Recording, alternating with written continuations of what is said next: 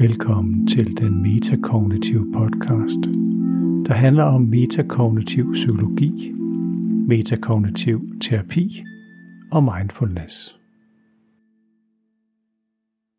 Hej, jeg hedder Kim Øksle, og det her er den metakognitive podcast. Den her episode skal handle om at sammenligne metakognitiv terapi med andre terapiformer. Så hvad er det, der gør metakognitiv terapi specielt? Hvad er det, der kendetegner metakognitiv terapi? Hvad skal du regne med at gå ind til, når du øh, går til en metakognitiv terapeut? Hvad er det, det kan, øh, og hvad adskiller sig fra andre måder at arbejde terapeutisk på? Det kan du høre om i den her episode af Metakognitiv Podcast.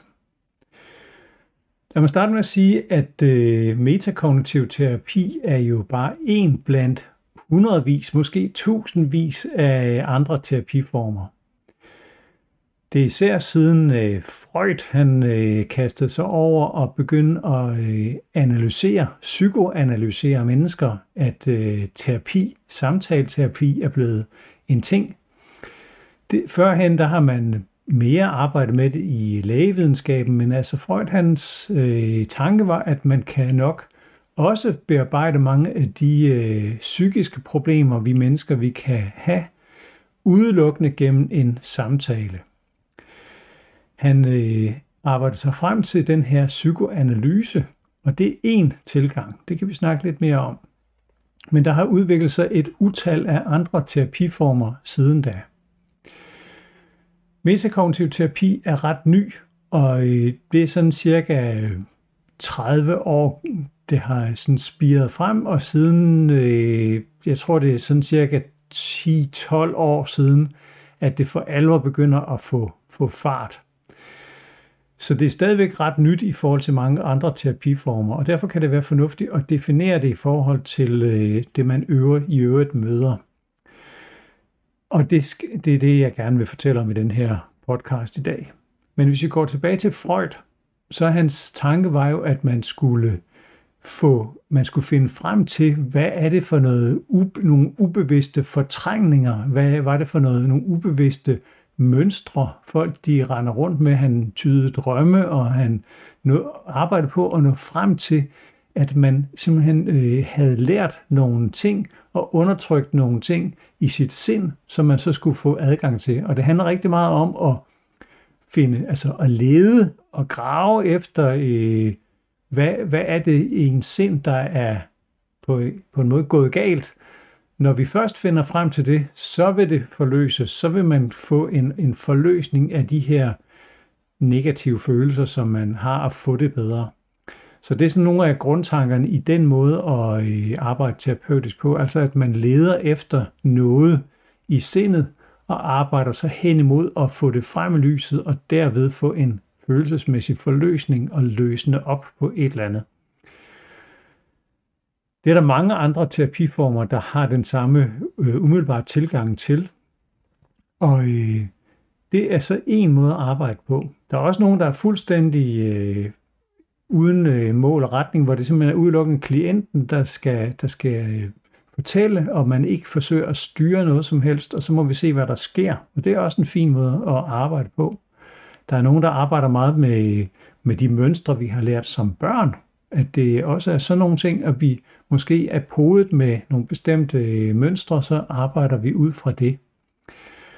Der er i nyere tid, det der er mest udbredt i verden, i hvert fald i den vestlige verden, og især i Danmark, det er øh, den kognitive adfærdsterapi, som altså er adfærdsterapi, fordi det er baseret på, at man har kigget på, hvordan dyr, dyrs adfærd, øh, og det er inspireret til, jamen vi mennesker, vi er jo også dyr, så vi har også en adfærd, som er betinget af nogle ting. Vi er også tænkende væsener, så det er kognitiv, den måde vi tænker på, altså kognitiv handler bare om tanker og sansning af vores krop og vores følelser, at vores tanker om noget, det også er selvfølgelig en væsentlig del af den menneskelige oplevelse. Men den kognitive adfærdsterapi går altså ud på, at man både snakker om at ændre adfærden og at ændre tankerne. Og øh, det giver sådan umiddelbart god mening, at hvis man øh, tænker noget forkert, så må man jo rette op på det og forstå, at ens tanker måske er overdrevne eller forkerte. Og det er igen baseret på, at man kan have lært noget, og man falder i nogle bestemte mønstre, som gør, at man tænker på en bestemt måde. Og sådan er den langt den mest øh, øh psykologiske forskning her øh, i de sidste 50-60 år har, har drejet sig om de her metoder her. Det er det, der er mest evidens for i det hele taget. Men der er også rigtig, forsket rigtig meget evidens for, for psykoterapi i det hele taget. Og øh, man prøver jo at måle, at der går man til en psykoterapeut af en eller anden art, er der så en effekt bagefter. Det er utroligt svært at måle jo, fordi det er meget, meget svært i forvejen at måle, hvordan, man, øh, hvordan en pille virker. Fordi der kunne være alle mulige andre ting, øh, man kan veje forskelligt. Alligevel giver man cirka den samme dosis til alle mennesker. Allerede der begynder det at være svært at måle bare øh, udkommet af en pille. Det kan være, at du spiser noget andet medicin samtidig med, som også betyder noget for, om den her pille den virker eller ej. Hvad spiser du i, i din kost? Tager du anden medicin? Alt det skal man tage højde for, når man laver medicinske forsøg. Derudover så er der det her, der hedder placeboeffekten. Så øh, folk, der ved, at de får noget medicin, bliver tit raske, fordi de ved, at medicinen hjælper, og mange bliver faktisk raske, så det er man også nødt til at tage højde for. Så det er indviklet nok at lave et evidens for almindeligt øh, hvad hedder det, medicinsk forskning. Så det er endnu mere indviklet i psykoterapi, hvor man kommer ind til en psykoterapeut og laver noget, samtaler, nogle øvelser og andre ting. Og hvad kommer der ud af det? Det er jo meget individuelt. Hele definitionen på psykoterapi er jo, at det er individuelt, det der foregår. Hvorimod en pille, det er en pille. Det er den samme pille, der gives til alle. Så når man skal forsøge at måle på effekten af en psykoterapi, så er man nødt til at have nogle rammer for, hvordan psykoterapien skal udformes. Det har man jo så forsøgt, og der er nogle terapiformer, der simpelthen ikke egner sig overhovedet til, til den måde at måle terapi. Men kognitiv adfærdsterapi, det er sådan forholdsvis nemt at beskrive, hvordan man arbejder, men det er stadigvæk enormt bredt, og der er enormt mange forskellige måder at arbejde på. Alligevel så er det det, der er mest evidens for, fordi det er til at, at lave evidens. Metakognitiv terapi er heldigvis også forholdsvis nemt at skrive ned, forholdsvis nemt at lave en, en slags manual for, hvordan man arbejder med. Men det er stadigvæk individuelt. Og mange andre terapiformer er egner sig mindre godt til det her. Men hvis man tager al den evidens, der er for forskellige psykoterapiformer, og ligesom ser, er der en, en effekt, har der, er der en virkning af, at folk de kommer ind til psykoterapi, så, så kan man se, at der er en effekt, øh, men man kan ikke rigtig sådan sige, at øh, nogle psykoterapiformer er markant bedre end andre. Det er ikke sådan, at, at man så for, kan forkaste, at det, det virker overhovedet ikke, øh, og og det her virker meget, meget, meget bedre. Altså, de virker cirka lige godt i rundetal. Men der er nogle ting, hvor, hvor, man, hvor der er nogle, nogle forsøg, der viser, at, at noget virker en lille smule bedre end andre. Og nogle af de ting, som jeg som metakognitiv terapeut lægger mærke til, det er selvfølgelig, at ved nogle øh, ting, for eksempel ved, ved øh, angst, der er der en, en tendens til, at metakognitiv terapi øh, Øh, virker en lille smule bedre end kognitiv adfærdsterapi. Men det er ikke fordi, det er sådan øh, voldsomt, det er ikke sådan dobbelt så godt, men, men der er en tendens til, at, at det, det virker øh, lidt bedre. Men det, der er vigtigt, det er jo også, at man vælger den terapiform, som passer til en. Så det er nok det aller, aller vigtigste, at man ved, hvad man går ind til. Så nogle terapiformer handler om at forstå sig selv og grave i ens fortid, ens barndom og forstå de ting. Det gør man slet ikke i metakognitiv terapi. Men hvis det er det, man ønsker, og det, man gerne vil arbejde med, så skal man selvfølgelig gå med det. Kognitiv adfærdsterapi, som sagt, der er evidens, der viser, at det virker for rigtig mange forskellige problematikker. Og hvis man, hvis man har effekt af at gå i den form på terapi, så skal man selvfølgelig gøre det. Det vigtige er at vide, at der findes mange forskellige måder at arbejde terapeutisk på, så man skal ikke tro, at bare fordi man går til en slags terapeut, så har man prøvet alt. Man skal ligesom finde noget, der virker. Og det handler selvfølgelig også meget om personlig kemi. Men det er faktisk også en af de ting, man kan se i øh, forskningen, at den personlige øh, kemi mellem terapeuter terapeut og, og, øh, og klient er vigtig. Der er også nogle terapiformer, som går rigtig meget ud på at, øh, at føle sine problemer, altså at arbejde følelsesmæssigt med dem, mens man sidder sammen med terapeuten. Det vil sige, at man går igennem nogle af de her følelsesmæssige registre, mm, følelsesmæssige ting, igen for at få en anden form for forløsning.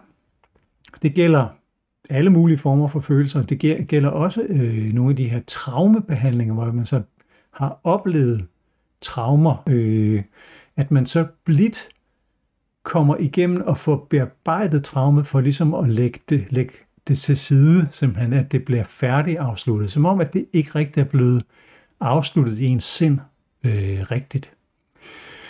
Det er der altså nogle terapiformer, der går rigtig meget ud på. Øh, og som sagt, det er ikke fordi, at en terapiform er bedre end andre. Øh, man skal bare vide, hvad man går ind til. Jeg arbejder selv også med andre måder at arbejde terapeutisk på, så metakognitiv terapi er en af de måder, jeg arbejder på, men jeg elsker at arbejde på den måde. Metakognitiv terapi har det fantastiske, at man ikke behøver at arbejde med barndommen. Man behøver ikke at forstå sig selv. Man behøver ikke at forstå øh, fortiden. Man behøver ikke at, at grave i tingene. Og man behøver ikke heller ikke at gå ind i forskellige følelser eller genopleve noget tidligere. Alt det vil man som metakognitiv kognitiv terapeut sige, at det er det, øh, det følelsesmæssige indhold, kan man sige, som, som man kommer med, og som man gerne vil have det bedre med. Men det behøver vi ikke at bevæge os indenfor. Så øh, du har måske hørt det i nogle af mine sessioner her på den metakognitive podcast, hvor lidt vi rent faktisk beskæftiger os med det. Så ofte så vil en øh, metakognitiv session faktisk ligge ret højt, altså fordi man er i det her meta-mode, som jeg kalder det, at, at man taler om problemerne, men man er ikke nede i problemerne og for de negative følelser, der er. Så selvom vi har tit med nogle meget tunge emner at gøre, så behøver det ikke at blive tungt i terapien. Så det kan faktisk føles let at tale om det, fordi vi, vi hele tiden forsøger at løse, øh, hvordan, hvordan problemerne kan løses, uden at være i problemerne imens. Og det er en af grunden til, at jeg elsker at arbejde med metakognitiv terapi, fordi vi faktisk øh, forbliver heroppe i et højere øh, luftlag, hvor vi, hvor vi forstår, hvad er problemet, det kan være, hvordan er det stress, det opstår. Der kan være nogle meget ulykkelige eller uheldige omstændigheder i ens liv, nogle udfordringer, der gør, at stressen opstår. Vi misforstår jo tit stress, så det, stress kan godt være, fordi man har travlt på arbejde eller bliver, bliver presset på arbejde, men, men stress er som regel en samlet pakke af, hvad der er af udfordringer i ens liv. Alle de ting, det kan være sygdom, det kan være pres udefra, det kan være, der er sker noget med ens familie, ens børn eller ens forældre. Alle de her ting kan også være pres, der, der udløser stress. Det er jo meget tunge emner umiddelbart. Så hvis man udelukkende sad og snakkede om det hele tiden i en session, så, så vil man også der øh, igennem komme igennem nogle af de her svære følelser, og så ligesom være i dem. Og det er ikke det, vi gør i metakognitiv terapi. Så øh, når, man, når man overvejer, hvilken en terapiform man gerne vil, vil øh, have hjælp af, så er det jo ret at vide, at metakognitiv terapi ikke handler om det. Det handler om, at vi kan, vi skal selvfølgelig finde ud af, hvad er det, der foregår, men så hæver vi os ret hurtigt op fra det negative indhold. Hvis det er angst, det kan være helt forfærdeligt at have angst, fordi det er jo en, øh, en følelse af frygt, der overmander en, som øh, føles meget, meget, meget ubehagelig. Den frygt er, en me- er fra naturens side meningen, at man skal se at komme væk, komme i sikkerhed. Så det er en følelse, der sørger for, at man kommer væk fra den trussel, der er. Men hvis truslen den kommer fra ens egne tanker, eller nogle situationer, man simpelthen ikke kan undgå at være i. Det kunne for eksempel være bare at, at komme ud af sit hus, eller øh, helt dagligdags situationer. Eller at, at tanker, der opstår i ens, øh, som man får, som kan give angst. Så det er jo en helt forfærdelig tilstand at være i, og det, det ønsker man jo ikke at være i unødigt. Så igen elsker jeg den metakognitive metode, fordi der handler det ikke om at være i det, eller gennemleve de her øh, ubehagelige følelser, men at tale om det på et andet plan, og finde ud af, hvordan er det, angsten opstår, hvad kan vi gøre, hvad er det, der gør angsten værre, hvad gør angsten bedre, og så finde de måder at håndtere angsten på, som faktisk gør, at den kommer sjældnere, måske aldrig, og at øh, de angstanfald, der måtte opstå, slet ikke er så, så slemme, at man håndterer og, og forstår, hvad angst egentlig består af. Der er den metakognitive metode rigtig god til at forklare, at angst opstår af det, jeg kalder hamsterhjulet, et hurtigt snorende hamsterhjul, som jeg siger, som gør, at ens sind simpelthen øh, borer sig fast omkring nogle, nogle meget øh, truende oplevelser, tanker eller, eller noget, man sanser. Det kan du høre mere om i nogle af de andre afsnit om øh, på den metakognitive podcast. Men øh, depression, det er måske den tungeste og mest ubehagelige af, af alle øh, følelser, fordi det, der er man lukket helt af fra, fra sit liv nærmest. Man er lukket helt ned følelsesmæssigt. Det føles simpelthen som om, man er fuldstændig frakoblet øh, alt, hvad der foregår. Så øh, meget, meget tung og trist øh, og ubehagelig følelse. Metakognitiv øh, terapi eller psykologi forklarer det igen som, at det er en tilstand, man er havnet i. Så det er altså ikke en kemisk ubalance, som, øh, som nogen mener, at det er. I metakognitiv psykologi, der er depression opstået som følge af en, øh, en langvarig proces, hvor negative tanker har domineret og gjort, at hjernen får tendens til at tænke endnu flere negative tanker. Så du kan tænke på det som en, en, øh, en skovsti, der bliver gået, som bare bliver trampet dybere og dybere og dybere, imens så bliver det sværere og sværere at gå væk fra den sti. Det er depression. Og igen er det jo en helt forfærdelig øh, tilstand at være i, og hvis man i terapien også bevægede sig inden for alt det negative og forsøgte ligesom at komme ud af de negative øh, depressionstanker, så ville det bare føles som at trampe rundt simpelthen på den samme negative skovsti igen og igen og igen sammen med sin terapeut. Igen kan jeg godt lide den metakognitive metode, fordi vi hæver os op.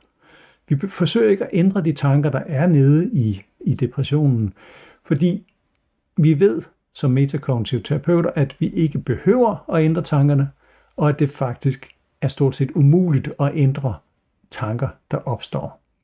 Så vi vil hellere se på, hvordan vi kan vi ændre forholdet til tankerne. Når vi ændrer forholdet til de her negative tanker, jamen så løftes hjernen simpelthen ud af den her negative tilstand, som man desværre er havnet i. Plus at det faktisk lærer en at bruge sin hjerne på en anden måde. Øh, og rigtig meget depressionsbehandling handler om at, ligesom at løfte folk ud, og så efterlade dem der. Og så har man ikke øh, ændrede de her mønstre, som gjorde, at man havnede i depressionen i første omgang. Så igen, derfor er metakognitiv terapi ikke kun en øh, behandling, men også en forklaringsmodel på, hvorfor man får depression, angst og stress.